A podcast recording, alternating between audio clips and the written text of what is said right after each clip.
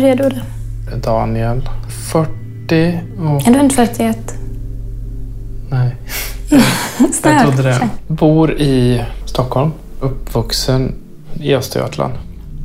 Träffade min fru i Helsingfors på hårdrocksturné. Lina, jag är 33 år tror jag. Vänta nu. Är det? Ja. Jag är finlandssvensk. Men jag har bott här i Stockholm sedan 2003. Vi hade en liten son tillsammans. Han heter Enzio och fyller tre år snart.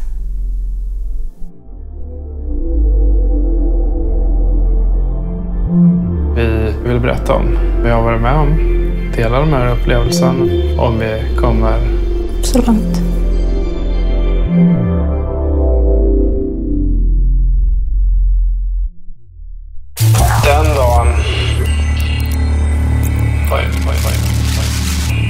Bisarr. Det här känns inte bra. bra, bra. Man kände ju sig som den mest otacksamma jäveln. Jag är gravid. Att man inte uppskattade liksom när man hade fått någonting fint. Någonting skulle bort. Vi fick ut cancerceller, sa hon.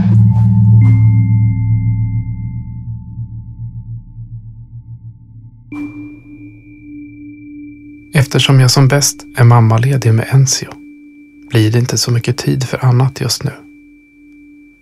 Det jag saknar mest, förutom att spontant och oplanerat någon gång hinna träffa mina vänner, är att sitta framför Illustrator eller Indesign och greja med det jag älskar mest. Det första jag kommer ihåg från den här resan är ju en dag för snart tre år sedan. Jag tror att det var i maj någon gång. Din mamma och din systerdotter var och hälsade på. Vi var sjukt trötta, både du och jag, när ens jag inte ville sova och han skulle ha mat. Ja, som det är för småbarnsföräldrar. Enzio var åtta månader gammal och eh, hans mormor var här. Systerdottern var här och hälsade på sin nya kusin. Och de gångerna som jag fått lite egen tid framför datorn har det i ren stress över att nu måste jag skynda mig att njuta låst sig i min skalle och jag har varken kommit på så roliga idéer eller kommit ihåg hur man gör något överhuvudtaget. Där skyller jag också lite på sömnbristen. Istället blir det ofta att jag går in på Pinterest och njuter och låter mig inspireras av vad andra har gjort för fint.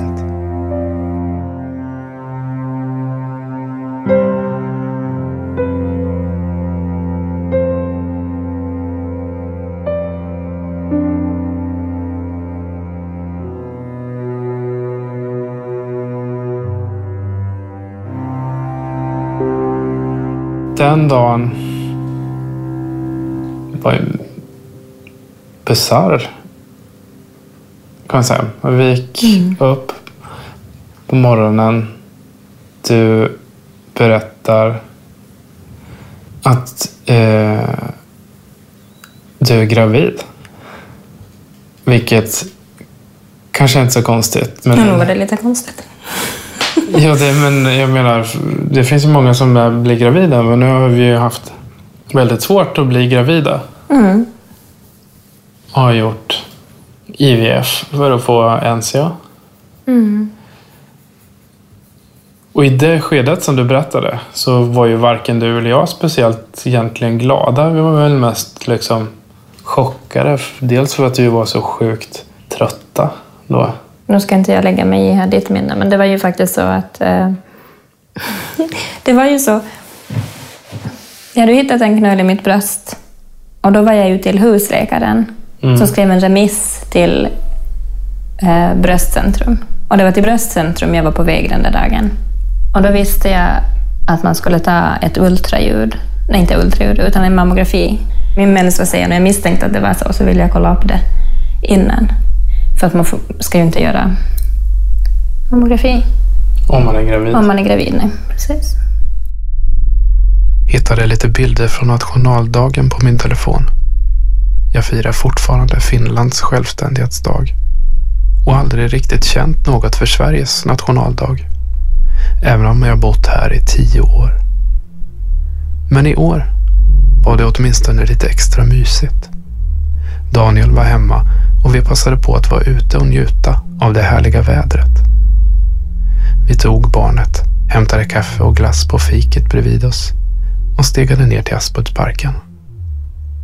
Vi var förstås inte de enda småbarnsföräldrarna som tänkt den tanken. Men vi hittade en härlig plats, lite i skuggan.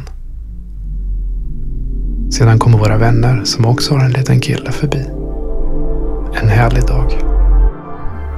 Förlåt, nu lär jag mig i ditt minne. här. Jag kommer ihåg det här som att vi först fick reda på den här graviditeten och att vi inte var speciellt glada över den för att vi var så sjukt trötta. Mm. Det var en ganska tung period, dels för dig med det akuta kejsarsnittet, foglossning, amningen och ja, en lång rad sådana saker. Och um, det var väl egentligen det som gjorde att vi inte var så glada men det vände ganska fort under dagen. Att det var ganska fantastiskt oavsett om vi var trötta eller ej så det liksom... Men att vi i det skedet senare på dagen fick beskedet att du hade någonting i bröstet som skulle bort. Ja. Plötsligt det här som vi inte tyckte var så positivt från början vänt till att blivit något positivt. Ja, Man kände ju sig som den mest otacksamma jäveln. att man inte uppskattade liksom, när man hade fått någonting fint. Gjorde såklart, efterhand. Efter att vi fick smälta det hela så... Men det är din första... Det är min första bild av den här situationen. Livet tog en vändning. Och numera är livet inte riktigt som vanligt längre. Inte alls faktiskt. Jag har fått bröstcancer. Och är numera ägare av endast ett bröst. Och väntar på att få börja mina cellgiftsbehandlingar. Som det kan bli, livet. Och så snabbt det kan förändras. Jag mår ändå förvånansvärt bra tycker jag. Och det vanliga livet, som inte är cancerlivet, fortsätter. Tur är väl det. Ditt minne kom, skiljer sig lite grann då från mitt eftersom du försökte... Nej, nog var det ju så som du sa. Inte var det ju, som, inte var det ju fel det du sa. Den bilden av att, att vi innan var oroliga för... Jaha, nej, men det kanske var mera i min kropp att jag kände lite... Jag var lite orolig för den. För mitt första minne från den här resan är att vi har gått och lagt oss. Vi har släckt lamporna och jag tror att Enzio ligger kanske emellan oss. Eh, och jag känner plötsligt en knöl i, i bröstet och jag säger till dig Daniel, jag har fått en ny knöl i bröstet. Eller i det andra bröstet tror jag jag säger. För jag hade ju haft några som var godartade i, i mitt högra bröst innan. Och jag minns att den här knölen kändes så helt annorlunda mot de här som jag visste var godartade. Den här var vass och den var liksom hård och helt annorlunda. Och jag minns redan då, och jag minns det så sjukt tydligt, den här känslan under fingrarna. Och jag min, då minns jag redan att det kändes liksom så här, att det var någonting, det var något som var fel liksom. Så att jag tror nog att jag redan hade liksom den här känslan när jag skulle åka dit till eh, bröstcentrum. Det var väl ungefär en vecka senare eller någonting sånt. Att jag var lite orolig. Ja, när jag kom dit så, så mm, sa jag då direkt att jag är gravid. Och de sa att okej, att vi börjar med ultraljud och de gjorde det här ultraljudet. Men ganska snabbt så sa han att vi kommer att vara tvungna att göra en mammografi i alla fall. Och jag sa på nytt att, men att jag är gravid och han bara, men det kan vi inte ta hänsyn till nu. Och då kände man ju direkt liksom en stor knut i magen att nu är någonting fel. Och jag minns när jag kom in dit till mammografirummet och jag sa till henne att jag är gravid och hon var som sådär... Jag minns att hon drog något dåligt skämt. Och det var bara jättekonstig stämning. Man märkte på henne att det var någonting. Och... Men då fick vi ju inget svar annat än att det är någonting som de måste ta bort. Det var ju ingen som nämnde ordet cancer eller så. Nej. Utan det var bara att du har någonting som vi kommer att behöva operera bort. De tog ju prov då förstås på den här knölen och sådär. Och jag skulle få det här slutgiltiga svaret då en vecka senare tror jag. Och jag minns att jag gick ut och jag ringde dig och började tjuta direkt. Att det är någonting som är fel, att det, det här känns inte bra. Det är något som är fel. Mitt riktiga liv som pågår parallellt med cancerlivet. Det är fortfarande jättebra. Det är cancerlivet som är brutalt obra. Jag vill inte att de två delarna av mitt liv ska integreras. Jag gör allt för att de inte ska det. Jag vill inte att mitt fina liv ska befläckas av cancerlivet. Jag vet att det är ofrånkomligt. Det är ju på väg. Det känner jag. Men ännu har jag lite kvar av det oförstörda. Ett litet tag till. En vecka senare så var vi ju tillbaka där och då var du med också. Mm. Jag vet inte hur mycket av ditt minne som har förändrats nu idag och vad som stämmer men jag kommer ihåg att du inte kände att det skulle vara så speciellt men att du faktiskt ändå ganska direkt när du kände den valde att gå och kolla. Mm, och det var ju tur, för de där andra knölarna hade ju väntat kanske fyra månader eller någonting sånt innan jag gick och kollade dem. så det, för, så att jag, men jag känner nog att jag fick, eller jag vet att jag fick en liten sån oroskänsla bara på grund av att den kändes så annorlunda mot de som jag kunde liksom jämföra med, som jag hade kvar i mitt bröst. Liksom. Det tror jag inte du sa åt mig Men överhuvudtaget. inte för säger det- jag allt åt dig. Nej, men du... Nej. Nej, det är därför jag funderar på om det är så att en minne som är, Nej, men vad skulle vara det? är förändrat i efterhand för att du vet om idag. Ja, men Hur- Daniel, jag säger inte allt åt dig. Jag berättar inte allt jag känner åt dig.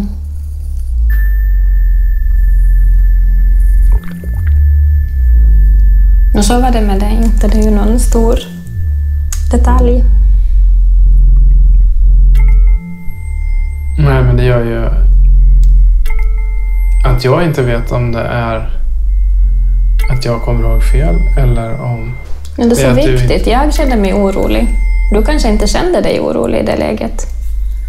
Absolut inte det läget direkt när du hittade den i och med att du ganska nyligen hade varit och gjort prov på den andra knölen och den var liksom harmlös, eller vad säger man? Att den var Godartad. godartad. Mm. Det är en sån sak som gör att man inte är speciellt orolig. Mm. Det var en tur att den hittades så tidigt. Och också en väldigt konstig detalj som vi har pratat om. Att Enzio inte ammade från det bröstet. Det var inte hans favoritbröst. Första veckorna efter mitt cancerbesked och veckan innan beskedet, då jag redan förstod vad som skulle komma, googlade jag bloggar som kvinnor med bröstcancer skrivit. Jag läste allt jag kom över. Ganska snabbt fick jag tvinga mig att sluta. Förutom alla starka kvinnor, all livslust, all sisu, fanns det självklart så mycket ledsamhet. Rädslor, sorg. Det var svårt att inte ta åt sig. Deras rädslor och tankar blev plötsligt mina på något märkligt sätt. Just nu följer jag bara några bröstcancerbloggar. Alla har de redan avslutat sina behandlingar. De lever och är på väg tillbaka. Det är dit jag siktar. Då när jag ringde dig, var var du då? Kommer du ihåg det samtalet när jag ringde, ringde dig? Jag kommer ihåg känslan av att jag fick ett samtal. Men jag har inte en aning om vart jag var. Jag har, in, nej, jag har inte den blekaste. Jag vet inte alls hur... Jag kan ju inte ha varit på jobbet. Förmodligen så måste jag ju ha varit någonstans med Enzio. Han hade ju inte börjat förskolan då. En vecka senare skulle vi få reda på provsvaret på den här biopsin som de hade gjort. Mm. Ehm, och jag kommer ihåg att vi hade med oss NCO. Och att vi rullade in honom där i rummet. Och vi satte oss ner. Och det var den här samma kirurgen som vi hade träffat då innan, tror jag. Eller som jag hade träffat då en vecka tidigare. Jag minns att hon sa så här ordagrant, att vi fick ut cancerceller, sa hon.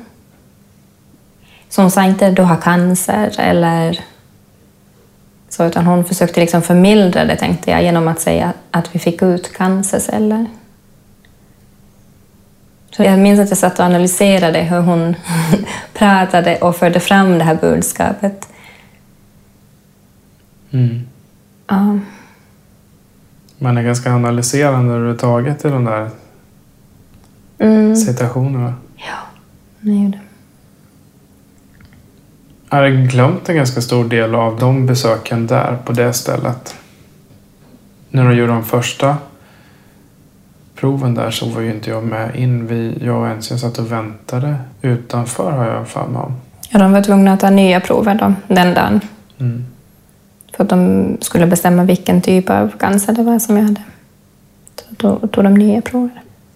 Då direkt efteråt.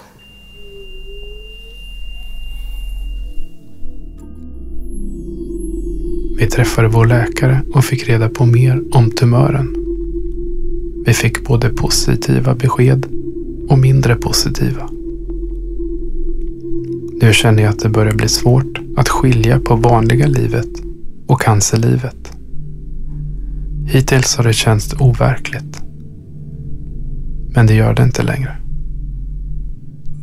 Den där mörka dimman som jag vet att jag måste ta mig igenom närmar sig. Vad har du för minne av att när vi hade fått det beskedet att de hade klämt ut, Vi fick ut cancerceller. vi fick ut cancerceller. Vad var nästa steg? Nej, jag minns att vi pratade då redan, eller då redan, utan hon, hon sa ju då att vi måste nu ta beslutet om vi ska behålla barnet eller inte, eftersom jag var gravid. Och då min, jag minns att jag också var tvungen att ta beslutet där och då, samma dag som jag fick cancerbeskedet, vilket känns jättekonstigt nu i efterhand. Om jag ville operera bort hela bröstet eller bara ta en del av bröstet. Och det känns ju jättekonstigt att tänka på nu. Att jag skulle ta det beslutet kanske fem minuter efter att jag hade fått reda på att jag hade cancer. Jag visste ju ingenting om bröstcancer och ja, det var konstigt. Men de två besluten ska vi göra. Eller det ena beslutet, det här med att ta en del av bröstet eller hela bröstet, det ska jag göra där och då. Och sen så skulle vi så fort som möjligt ge besked om hur vi ska göra med barnet, minns jag. Mm.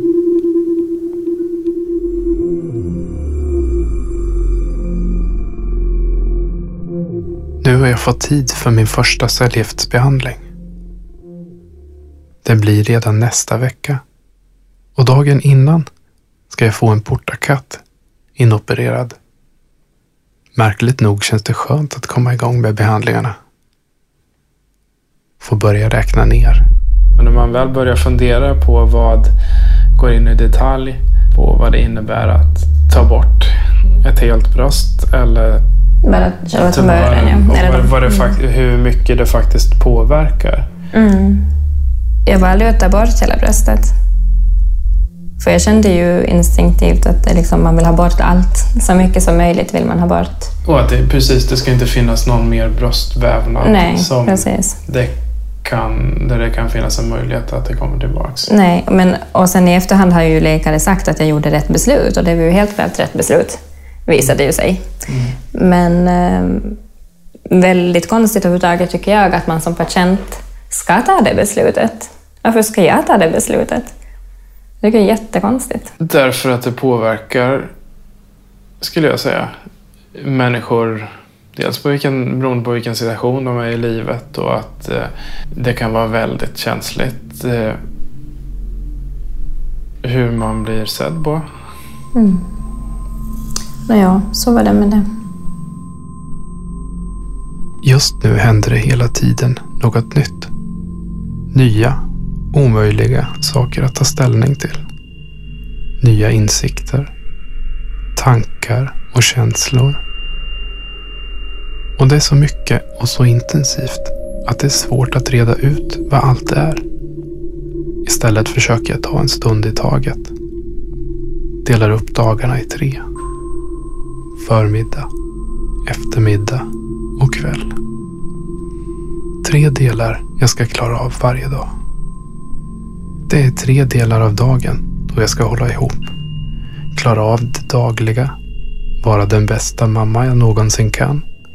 En fru man orkar leva med och kan tycka om. Och en vän. Dotter och syster som visar uppskattning. Hör av sig ibland och orkar träffas.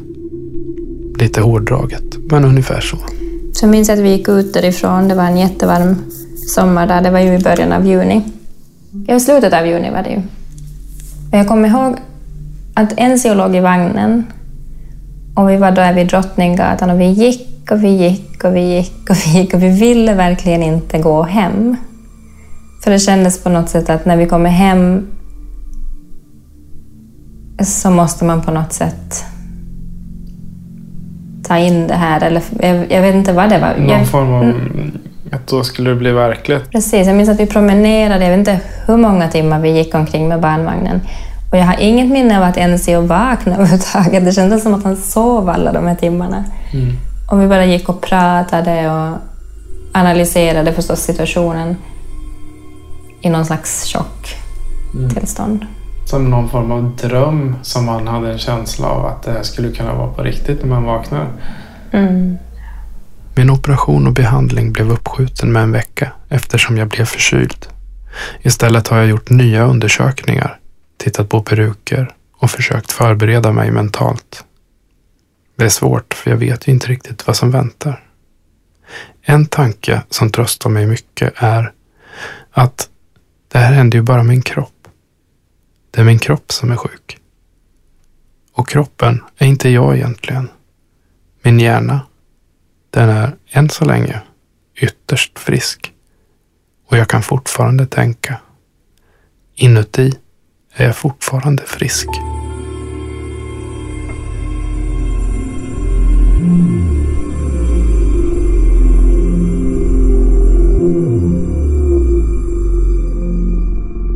När vi gick därifrån, från bröstcentrum, så skulle jag ju ringa mina föräldrar och berätta det här beskedet.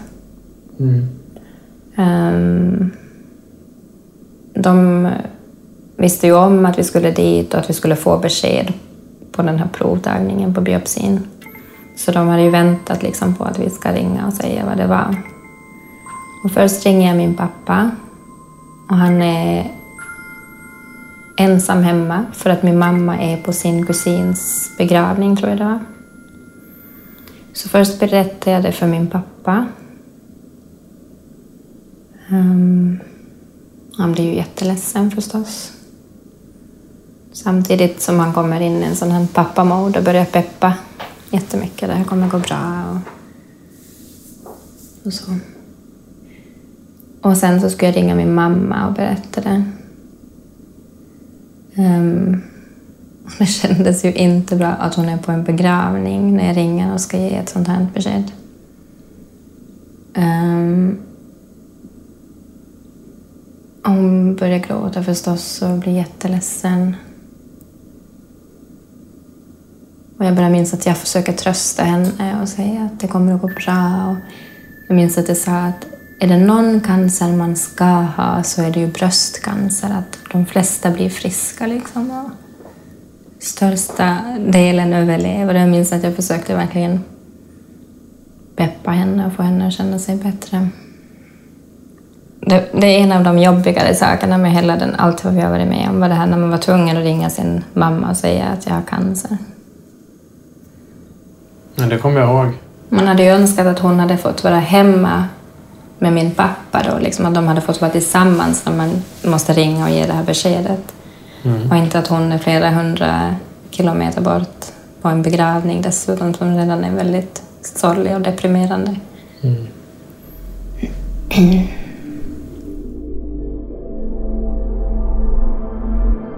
Nu har jag fått min venport och min första behandling.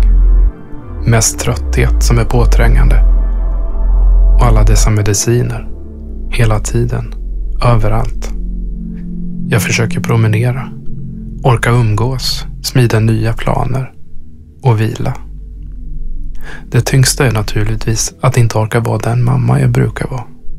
Känns lite vemodigt när jag märker att Enzios grundtrygghet långsamt förflyttas till Daniel istället för hos mig. Egentligen vet jag att det är bra. Det är helt som det ska vara. Jag finns ju fortfarande här, om än lite mattar i pälsen.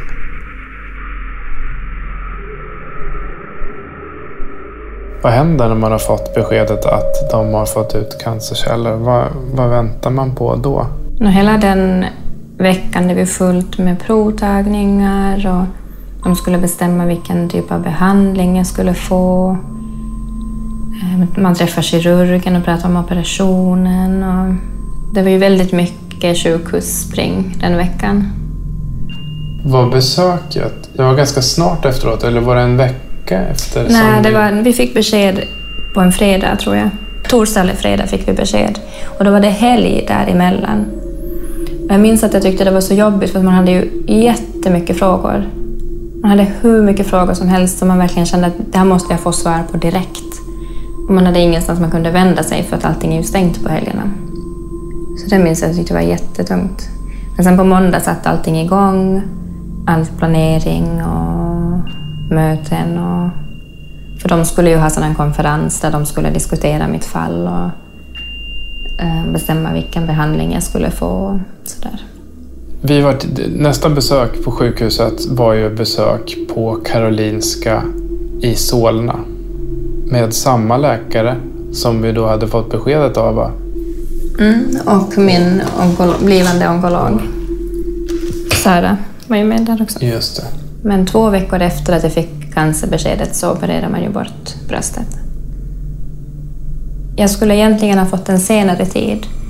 Men då hade den här kirurgen ringt en annan patient och förklarat läget att jag måste opereras snabbt eftersom den här tumören, eller den här cancern jag hade, Den här HER2 är ganska snabbväxande.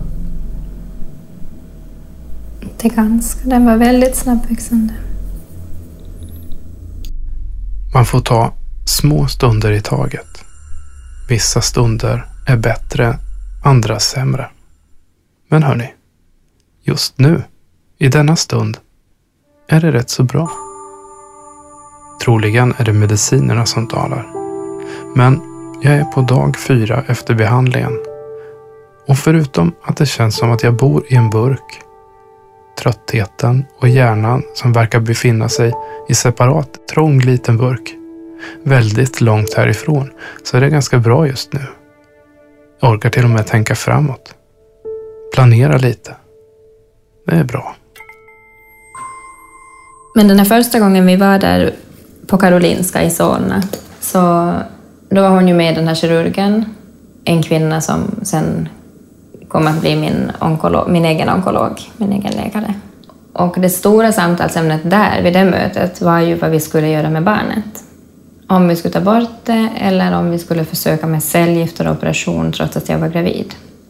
Alternativt ta en bit av dina ägg- äggstockar. Ja, men det kändes att det, kom, det var sekundärt.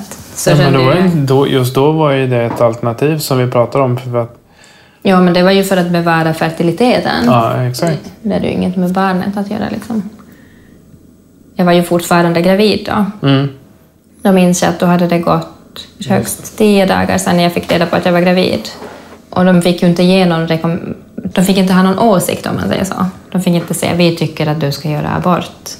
Så man kände att de försökte som på olika, lite mer finkänsliga sätt berätta att det är det jag ska göra.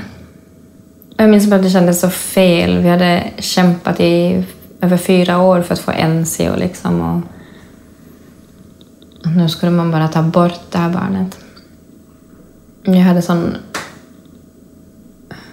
ångest över det. Jag blev inlagd i tisdags på grund av mina låga blodvärden. Tröttheten som jag känt är svår att beskriva. Den är total. Man bara finns. Inget annat. Det var ju svåra beslut, alltså mycket att tänka på och under en väldigt kort tid. För allting gick ju väldigt fort kändes det som. Samtidigt som man hann att tänka så att det gjorde ont i hjärnan. Mm. Eh, de var ju hyfsat nyblivna föräldrar och skulle försöka ta hand om barnet samtidigt. Vilket kanske var en, också i och för sig en positiv grej att få lite annat att tänka på än bara cancern, Mm. Tumören eller graviditeten Mm. som inte skulle fortgå. Att förklara cancer. Cancer är så mycket mer än bara sjukdom, behandling. Den tar ingen hänsyn. Den är som en väldigt jobbig andra förlossning. Med ett helt nytt liv som plötsligt ska levas. Kruxet är att du plötsligt föds i kallaste Sibirien. Allt du någonsin trott du var, visste, vågade, ville och kunde river den upp och poff så är allt borta. Du är fortfarande du, men nollställd. Sen står du där vid det där stora berget med den sibiriska björnen. Han räcker dig ishackan och säger Varsågod, klättra. Och så klättrar du. Om och om igen.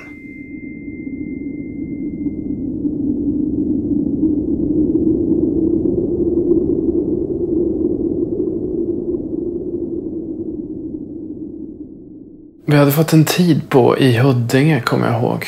Mm. Hos... Eh, Han var sån en fertilitetsläkare. Det var just att prata om det där med olika alternativ. Då, men, och också att prata om att göra en skrapning. Då. Men sen fick jag ett missfall då, några dagar efteråt.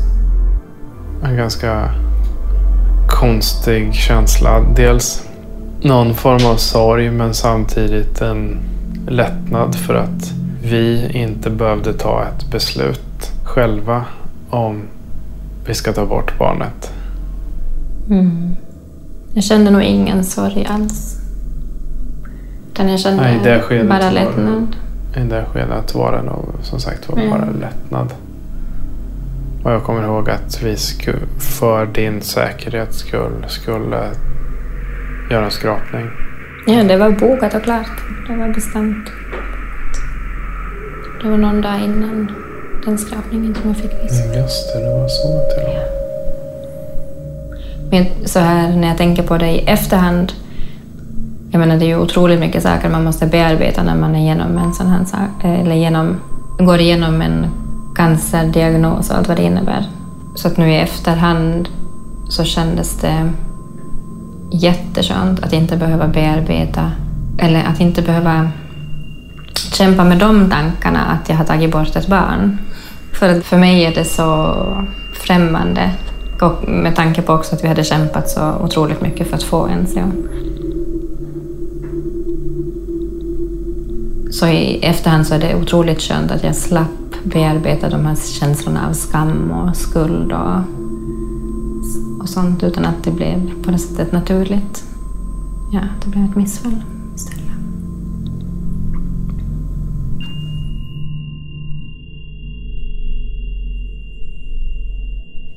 veckan är det dags igen. Ny operation. Den tredje på ett par månader. De har hittat förstorade lymfkörtlar bakom lungorna. Det kan vara cancer som har spridit sig. Eller så inte. På min fråga om hur sannolikt det är att den spridit sig kunde min läkare inte svara. Hon sa antingen är det det. Eller så inte. Hon pratar om forskningen som går framåt. Om mediciner som finns om ifall. Hon pratar om patienter hon har haft som levt i upp till tio år. Om ifall. Kanske jag kan få bli 41 år, tänkte jag. Tio år är bättre än inga år. Och jag tänker att i andra delar av världen är 41 år ett långt liv. Och vad sjukdomen gjort med mig. Det som tidigare var jag. Som var vetgirig, rak. Ibland obekväm, för frågvis och sällan fann mig i saker utan att ifrågasätta. Har bytts ut till ett stilla accepterande. För det här är som det är.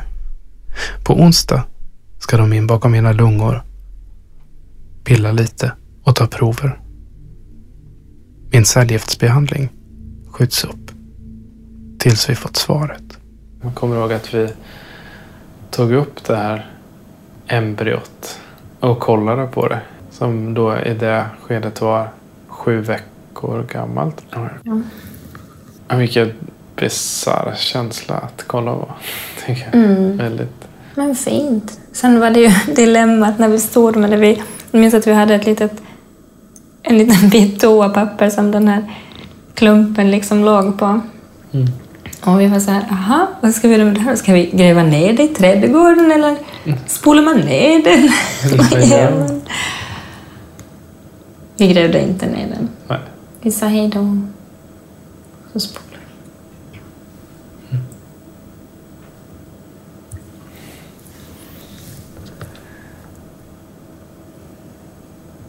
Kanske vi är klara för ikväll.